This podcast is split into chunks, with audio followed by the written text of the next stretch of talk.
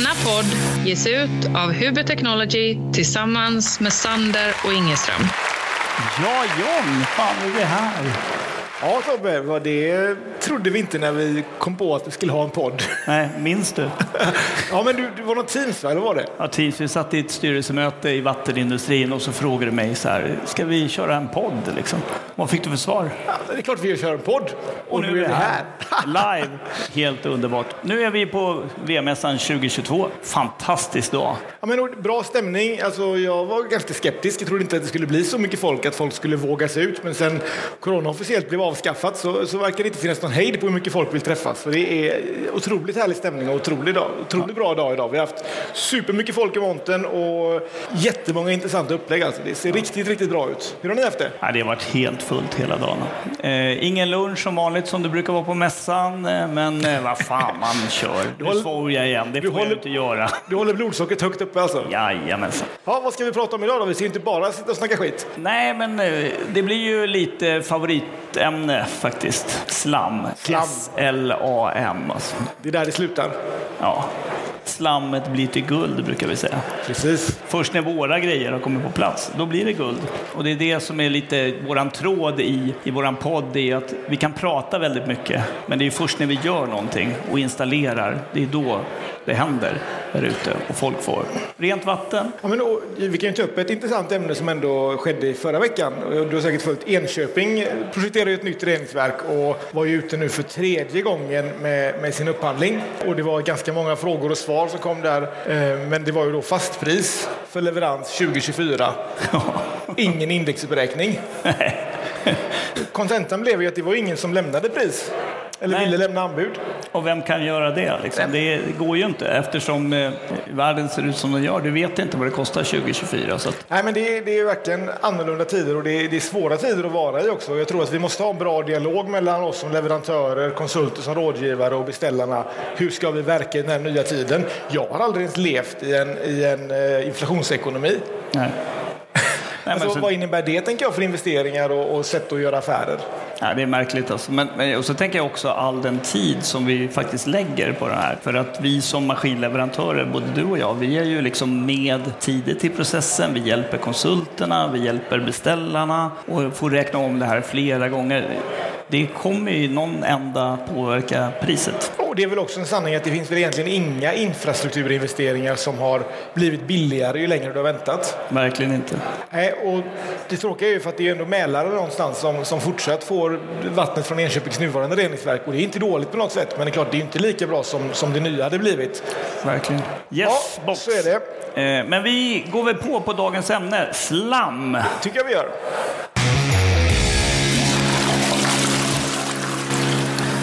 Och för att göra det lite kul tänkte jag John idag att vi brukar alltid börja liksom vid intaget och ta oss vidare. Nu kör vi bakifrån istället. Det tycker jag är kul. Absolut. Så vi börjar med slamavvattning och eh, utmaningarna med det. Eh, Ja, det finns många.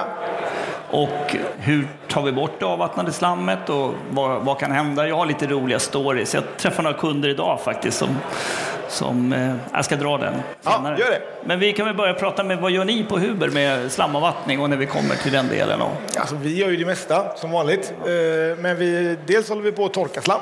Det är ju egentligen efter vi har avvattnat det. Eh, Vi har även tekniker för att förbränna slam. Men det kommer vi komma tillbaka till lite senare idag. Eh, Men det primära är ju naturligtvis att avvattna slam. Och vi har ju våran, lite våra flaggskepp, en Q-press. En eh, långsamtgående skruvavvattnare med, eh, där vi får upp slammet mellan 20 och 25, ibland 30 beroende lite på vad det är för förutsättningar. Väl beprövad teknik, otroligt energisnål om du jämför med, med till exempel centrifugteknik då, där du mer med våld slungar in sakerna. Men också designen då, både core-designen, att den lutar gör att vi får, en, en, vi får hjälp av, av fysikens lagar helt enkelt för att avvattna slammet. Sen kan vi även göra det med, med en S-press, då är det lite mer av, av, då är det inte pumpat utan då är det självflöde in. Eh, vi har en borstteknik, passar lite bättre för industrislam, fibröst slam, pappersbruk till exempel. Sen är ju vi i pappersbruksbranschen är vi ju ganska små. Då har du ju sådana här andrits eh, gigantsaker liksom. Där kanske vi inte riktigt gör oss nytta. Men små och mellanstora industrier med mycket fiberslam, då passar en S-press alldeles utmärkt faktiskt. Så det är väl de två stora bitarna vi har på, på slamavvattningen och det är ju lite av våran, våran kärna ändå. Vi, vi gör väldigt mycket jobb på slamavvattningen och, och vi får det att funka väldigt, väldigt bra. Så det är vi väldigt stolta över faktiskt. ja, kul. Vad gör ni då? Pumpar ni slam? Nej, men alltså, jag Retorisk ju, fråga. jag vet ju hur många Huberpressar som helst som vi pumpar efter. Nej, men det här är en utmaning då för att vi pumpar ju slam. Eh, Man kan ju också skruva ut slammet naturligtvis som ett alternativ och ibland, vissa beställare har ju också satt eh, avvattningsutrustning på en högre nivå så man direkt i en container kan släppa ner slammet. Men ganska många ställen så behöver man transportera det från punkt A till punkt B. Då. Problemet med hela den där applikationen att pumpa den, det är ju att vi har ju ingen aning om vilka tryckfall vi har. Det är ingen som vet, utan det är, det är ju en kvalificerad gissning kan man säga. Och det beror ju på att det är väldigt svårt att mäta viskositeten på ett avloppsslam på TS30. Det finns inte ens någon metod att göra det och det är ju det som avgör tryckfallet. Då. Men går du på din magkänsla då? Eller, vad, vad, eller din långa erfarenhet? Eller vad, vad är tricket? Nej, men jag har ju begått alla misstag man kan göra. Så, att, så att jag går ju på min erfarenhet, absolut. Och jag har ju lärt mig en sak, att man ska inte underdimensionera sån här utrustning. Det är bättre att ta i lite grann här. Ja. Därför att alltså, flöden är ganska låga, eh, trycken är ganska höga. Det drar inte så mycket effekt. Eh, så att egentligen att installera en stark huggväxel är eh, jättebra och också att man kör pumparna långsamt eftersom slammet är så kallat tixotropt då, så att vi förändrar det med skjutning. Det finns massa eh, lärdomar att att dra av det där. Jag vet ett tillfälle till exempel i, i eh, en kommun i Småland nära ett glasbruk så hade vi efter en centrifug två stycken pumpar. En centrifug var högerroterande, den andra var vänsterroterande. Högerroterande det funkade utmärkt. Okej. Allt gick jättebra. Vänsterroterande funkade inte alls. Eh, Och man undrade varför. Man stod och tittade och försökte förstå varför, förstod ingenting. Men den enda liksom, kopplingen jag kunde dra där, det var hur kom slammet ut ur avvattningsutrustningen? Och Ja. vart träffade torrslamppumpens skruv? Och då var skillnaden på att den högerroterade gick långt bak på skruven. Den Ah, okej. vänsterroterade längst fram vid kompressionskammaren. Jaha. Och så valvade vi det här och så blev det ett klister och så vart vi inte av med det. Det slutade med att vi fick vända pumpen 180 grader, Okej. dra trycklägena upp i taket över centrifugerna och sen funkar det. Det är inte svårare än så ibland. Det är inte svårare än så ibland. Men hur, hur, kom, du, hur kom du på det då? Eller vad liksom, vad, Trial and error brukar vara en ganska bra Okej. grej. Så betala lite pengar så brukar det Ja, löna sig till ja, slut. Men så ja. lär man sig någonting. Då. Och Ja. det är väl det som jag tror att, att vi på Sander Alltså vi är ganska krävande och jobbiga rådgivare. Liksom vi, vi nöter på, vi gnetar tills vi vet och har alla svaren. Och har vi inte det så tar vi liksom ansvar tills vi är klara. ja. Men det kostar ibland. Ja, men, och, och det är lite så vi försöker jobba också. Där, att, alltså, det är många som säger, men vilken, vilken är den högsta TS du kan lova? Alltså, jag kan lova 28 i TS, men det är under de extremt bästa förutsättningarna. När vi har rätt slam in, vi kan stå och labba med polymeren exakt och vi kan köra det. Men det handlar ju någonstans också om vad är ett rimligt normalt driftförhållande liksom? Och vilken TS kan du uppnå då? Och det är nog det man ska jämföra än att någonstans i en upphandling begära vad är den bästa TSen du vågar lova och hur högt kan du gå? Alltså jag, kan gå jag kan gå till 28, har vi, vi klarar en prestandakörning på det. Men klarar man av att drifta verket på den, på den nivån? För det kräver mycket mer känslighet än om du ska ligga och köra på 23-24. Och det är kanske där du ska jämföra att vad är en rimlig drift-TS? Och det är det du vill upphandla egentligen. Ja. Så det är ju lätt att sätta böter och driva det hela vägen igenom men det handlar ju någonstans om hur får vi den bästa dagliga driften. Som du säger också med rätt energiförbrukning och sådär. Absolut, och, och när man gör det där... Nu fick jag en annan sån här déjà vu-upplevelse. Jag såg några kunder idag ifrån Dalarna. Då. Eh, och där var det ju så att man hade en avvattningsutrustning och man vred upp TS-en jättemycket och vi körde igång den här pumpen och allt var frid och fröjd och jag såg att den pumpade och den byggde tryck och sen tog vi naturligtvis en lunch som man ska göra när man Ja. är ute och driftar en grej. Så kom jag tillbaka och så, vi hade en eh, 25-30 meters ledning ut på slamplatta.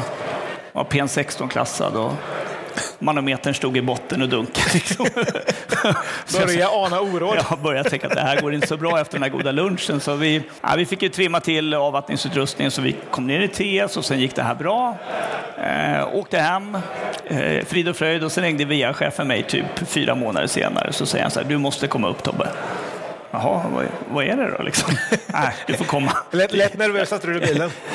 Jobbiga mil. ja, ja. upp, eh, skakade i ratten, åkte upp och det som hände var att jag öppnade dörren och där stod våran torrslampump och hade vikit upp nosen upp mot taket. Okej, den var på väg ut i rymden liksom. Eh, någon hade naturligtvis gått tillbaka, men vi kan få lite bättre TS här, vi skruvar lite. Så vi hade ett enormt tryck i ledningen, vi sprängde tryckledningen Okej. under mark. Slammet gick in under bottenplattan på huset, gjorde en vulkan upp. och där stod våran pump. Liksom. En slamvulkan alltså? Ja, en slamvulkan. Det, är- ja. Shit. Så att, ja, det kan hända mycket. Shit, shit kan man säga verkligen Ja, shit, Liksom. Ja, shit, precis. Så att, nej, men det är ju så att det, det finns ju sina utmaningar här. Ja. Men å andra sidan måste man ändå tala om fördelarna. Att man med, med liksom en avvattningsutrustning tillsammans med en pump så blir det lite hermetiskt slutet. Det blir mycket bättre arbetsmiljö för de som jobbar där. Och oavsett om du pumpar till silo eller ute på en slamplatta Ja, så har du ja. kontroll på vad du gör. Då. Men sen är det mycket know-how att liksom lära sig hur det går till. Då kul när du säger slamplattor. Vi hade ett case eh, också i Dalarna där, där man med vakuum tryckte ut det här på slamplattan. Eh, men på vintern så blir det ju kallt, vilket då kan få effekten att själva utloppet kan frysa. Eh, och det gjorde det. Och man, varför kommer det ut något slam? Och så höjde man, man höjde, man höjde och så tryckte man på. Och till slut så släppte ju den här proppen då, vilket också fick effekten att sommarstugan ungefär 250 meter ner fick ju då slam sprayat på väggarna. Och inte så roligt att vara VA-chef i den kommunen kan man säga. Men de fick ändå gratis gödsel för tulpanerna. Ja, och liksom. det gratis ommålning av huset Ja, också. ja, så det var ju alldeles absolut, utmärkt. Liksom. absolut. Ja, det var War Stories om slam där Tobbe. Vad, vad har vi mer då? Vi har... Eh, Nej, men sen kommer vi till nästa liksom, steg, tänker jag, då, som är om vi kör TS-halten bakifrån framåt. Då, så, så förtjockare och slamförtjockare och, och, Ja. och den utmaningen som, som finns där. Och det där är inte helt lätt heller att lösa. nej, men det är det inte. Och, det finns ju olika varianter på slamförtjockning och vad man ska ha det till. Och ofta är det så att om man kanske ändå en lite jämnare nivå på slammet. Det, det kommer ungefär samma, samma TS in hela tiden i slamförtjockningen. Men då har du ofta ganska stora volymer som du vill få igenom på ganska kort tid. Och där har vi ju, vi gillar ju de här eh, roterande sakerna. De flesta av våra maskiner heter ju Rotamat, så även våra slamförtjockare. Så vi har ju en slamförtjockare med en roterande silskiva istället för den klassiska silbandet då, även om vi säljer det också. Eh, fördelen är att du får en ganska kompakt lösning eh, och du behöver inte heller byta det här silbandet för den här roterande skivan i, rostfritt stål har ju en betydligt längre livslängd. Så du får en, en, en, en energieffektiv och ganska enkel lösning att serva helt enkelt om du går på en roterande slamförtjockare då. Och du höjer din TS-halt då, så du behöver inte ha lika mycket vätska in i rötningen om du kör Nej, nej precis. Och sen kommer det också med polymer, polymerblandningen. Då. Det kan man ju med sig att ibland så kan du ha samma polymer när du pratar om förtjockning och avvattning och ibland ska det vara helt olika. Ja. Och det är också lite intressant för då kan man få en upphandling så här, vi måste använda samma polymer bara. Men du säger i ena delen att du ska ha bästa TSen och sen så har du ett krav på att du ska ha samma polymer för du vill inte ha dubbla polymerutrustningar. Mm, det kan kännas lite motsägelsefullt Lite svajigt. utan att vara eh, cynisk. Ja. Och det är sånt, alltså, pratar man med oss som leverantörer innan kan vi ju hitta rätt nivå på det där så att man, man kanske landar rätt i det i alla fall. Då tänker jag. Absolut. Alltså, samarbete är ju jättebra och då blir en sån här mässa perfekt. Vi bygger relationer, vi, vi kan liksom ta oss vidare. Så att, eh, nej, men jag har några pumputmaningar i den där slammet Ja, också. Men, och det är framför allt alltså i, i tillsättning av polymer i silbandspress då, som man ser. Det är, vi är ju i Jönköping nu, så nu kan man ju ta en story från ett reningsverk som vi, ligger ja. väldigt nära här och så börjar på S. Slutar på Holmen då. Ja, ja. Eh, men Ins där- eller? Ja, Ja, precis. ja, precis. Eh, och där var det så faktiskt att, att jag, hade en, eh, jag fick ett uppdrag att titta på en pump som inte fungerade. Eh, det var var mycket slitage. Jag gick förbi den här pumpen, det var inte våran pump. Då. Jag tänkte, den låter jäkligt ansträngd. Tänkte jag. Det hörde på kuggväxeln att det här är liksom, nu kör vi max. Liksom. Och så tittade jag på tryckmätaren och så här, men det såg inte ut att vara så mycket tryck. Liksom. Så jag tänkte, Det lä- lät mer än den levererade helt Ja, enkelt. typ. Liksom. Och så tänkte jag, men jag får väl ändå räkna ut effekten på den här pumpen. Så jag gick och mätte lite och räknade ut vilken effekt vi drog. Och då var vi uppe på 11-12 kilowatt. Eh, det som hade hänt var att tryckröret var helt igensatt. Okej. Så tryckgivaren den visar ju det trycket som, Som anläggningen hade Ja, när den drifttogs. Då. Eh, Men eh, effekten visar ju att trycket var betydligt högre kan man säga. Så det var inte så konstigt att de fick byta delar hela tiden. Det där löste vi faktiskt och det kan vara tips om man har sådana applikationer med att, och det är inte alltid möjligt, men där var det möjligt att vi tog en liten eh, rötrest ifrån rötkammaren och pumpade in det i pumpen och på så sätt fick fettet att släppa då ifrån ja, ja. insidan på röret. Och då sjönk trycket. Och så, det där har jag praktiserat på många kommuner när de har haft de här bekymren. Att, att Ja. göra den här doseringen in och så gör man det kanske en gång i veckan eller en gång i månaden och hittar sin nivå beroende på hur polymeren fäller ut i Ja, rörsidan. Och får mycket längre livslängd, eh, mindre effektförbrukning, mindre CO2, bättre arbetsmiljö. Ja. Kanon. Men vad upplever ni också på torp på just tunnslamssidan? Att du får mycket, hittar mycket skit i pumparna? Alltså det, för någonstans, allt som kommer in som vi inte tar bort på vägen hamnar ju i slammet. Absolut. Det är ju så att när man kommer dit i den där processen så är det i regel ganska stora pumpar som går ganska långsamt. Så vi har inte väldigt mycket igensättningar där, utan det Nej. kommer vi mer då till när vi går in i rötkammarcirkulationen eller primärslammet skulle jag säga är den vanligaste. Där har vi väldigt mycket igensättningar. Ja. Men då löser vi det med olika kvarnutrustningar och sådär. Okay. Och liksom får det att, att hålla längre. Då. Så man kan kom, komma och kolla på om man vill, om man har tid över. Men vad, vad, hittar, vad hittar du oftast då? Vad, vad beror igensättningarna på? Nej, men jag tror att det beror, dels är det ju beroende på hur, hur rensgallret funkar naturligtvis, det är första, men också eh, lite hastigheten på hur snabbt man kör slammet. Ju snabbare du kör det, desto mer turbulent flöde blir det, desto mer hittar fibrerna varandra. Och vi okay. brukar, i, i, när vi sätter kvarnar, göra det på flera ställen. Då. Så att eh, man måste ta ner det på flera ställen och det hittar sig själv igen och det knyter upp en, liksom en linda runt. Vi kallar det för kebabrulle. Det är ja. inte, man är inte sugen på att äta den, men, men det är ändå en kebabrulle. Och, och eh, Ja, det är en viktig, viktig grej att, att, att, liksom, att ta hand om renset på vägen in. Ja. Men vi måste hantera det som kommer. Och då är det kvarnar och stora fria genomlopp och liksom försöka att inte sätter igen. Då. Just det, för det finns ju annars, det har vi pratat om i en tidigare podd, men det finns ju också en, en slamsil som ett icke helt okänt företag tillhandahåller. Just ja. Där du, i, där du i slamledningen sätter in en, en, det är som ett stort rör egentligen med vad vi kallar det en strain press då. Ja, där du silar slammet och då får du ut att du får ut en rens, renspropp i ena änden och så får du ut ett silat slam i andra änden. Då. Ja.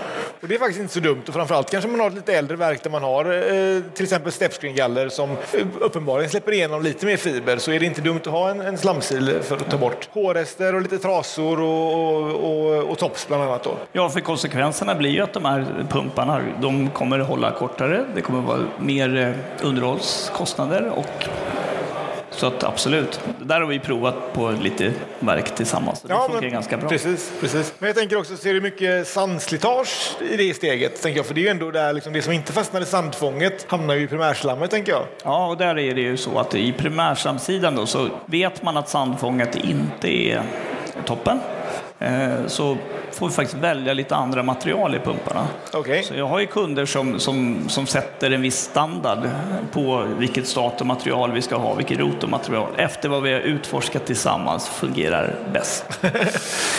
Så, så är det. Det har en ja. stor betydelse. Men sen har det också en stor betydelse hur snabbt man roterar en sån här pump och vilken pitchhastighet man har. Och vi har lite olika dimensioneringsförutsättningar beroende på om det är primärslam med dåligt samfång, primärslam fint samfång, kemslam och så vidare. Så det är en hel djungel. Du har lite träd där helt enkelt där du försöker gaffla dig fram till rätt pump ja. för att hantera det. Ja.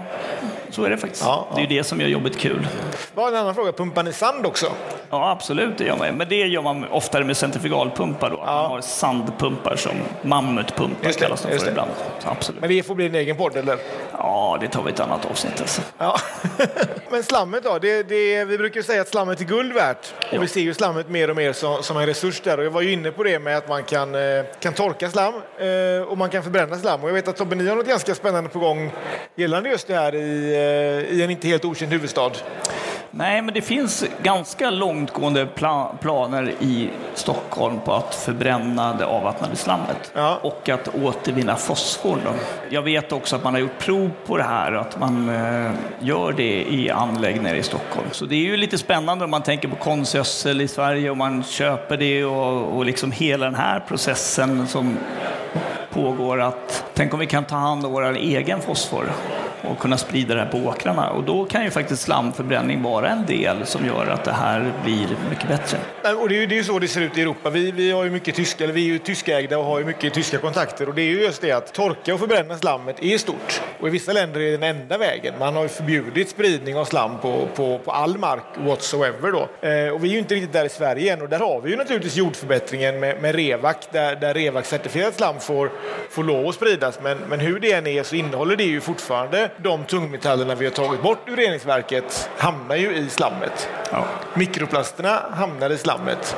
Diklofenacken hamnar i slammet. Så att någonstans, allt det som vi renade i reningsverket tar vägen i slammet. Och Revac sätter ju nivåer på det där som gör att det ska vara ofarligt för grödan man sprider det på. Men någonstans för vi ändå ut ur reningsverket och tillbaka till, till det där. Så jag kan ju tycka att det finns olika tekniker och beroende på vilket slam man har så bör man kanske fundera kring just torkning och förbränning.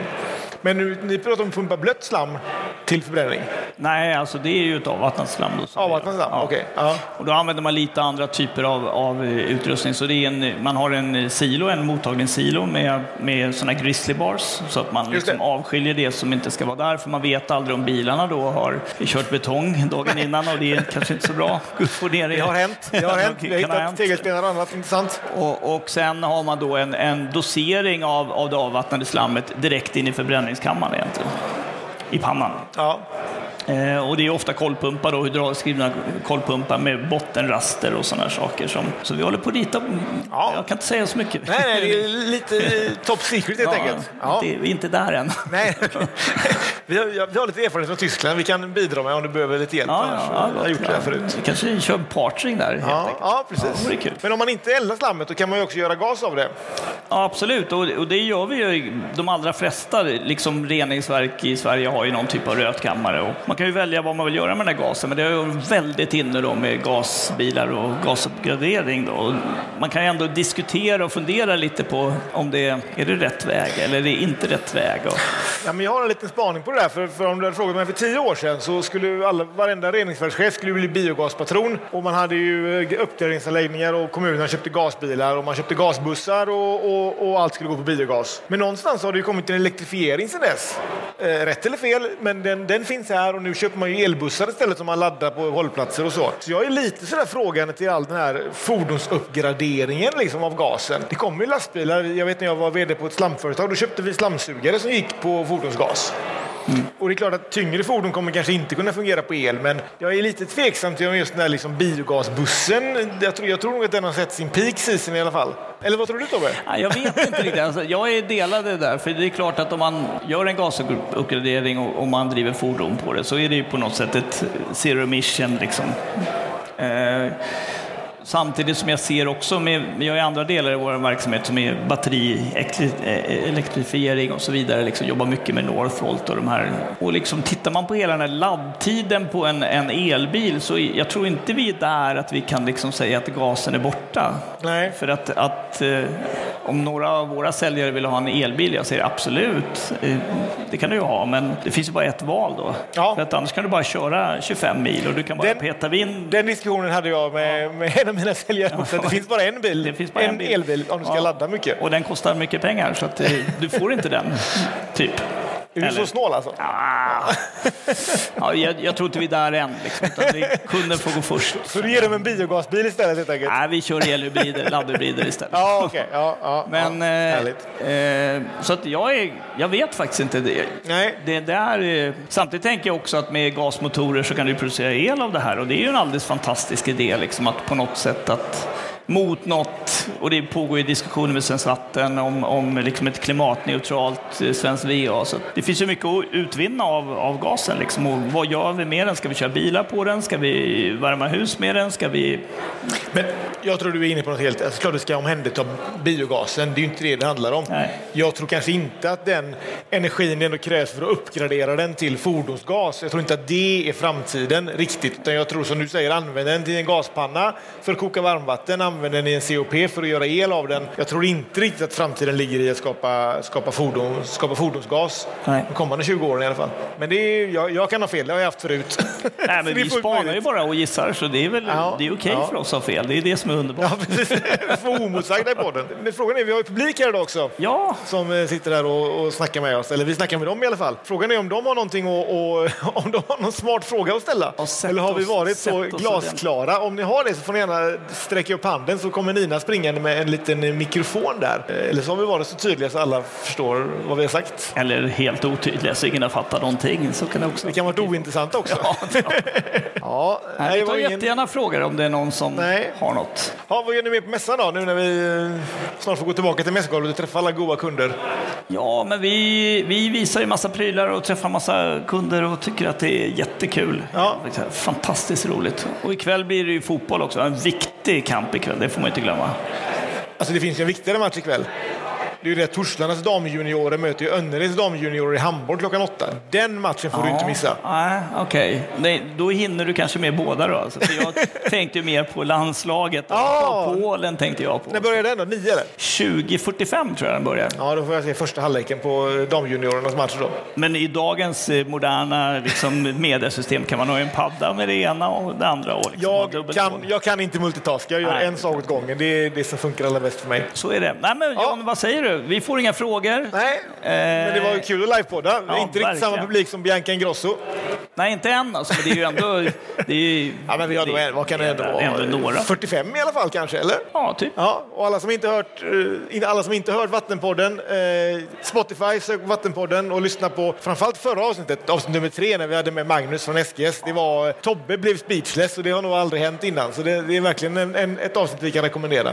Ja, verkligen. verkligen. Ja, men lyssna och också mejla till vår podd och, Ja. och be oss ta upp ämnen så vi kan... Det kan ju vara jobbigt att sitta här och det är säkert jobbigt att ställa frågor. Det är jobbigt att sitta här uppe också tycker jag. Men Ja. så är det. Ja, men bra på det, men ha, Tobbe, ha en fortsatt bra mässa. Ja, Kul tack detsamma. Tack. Hej då. Hej!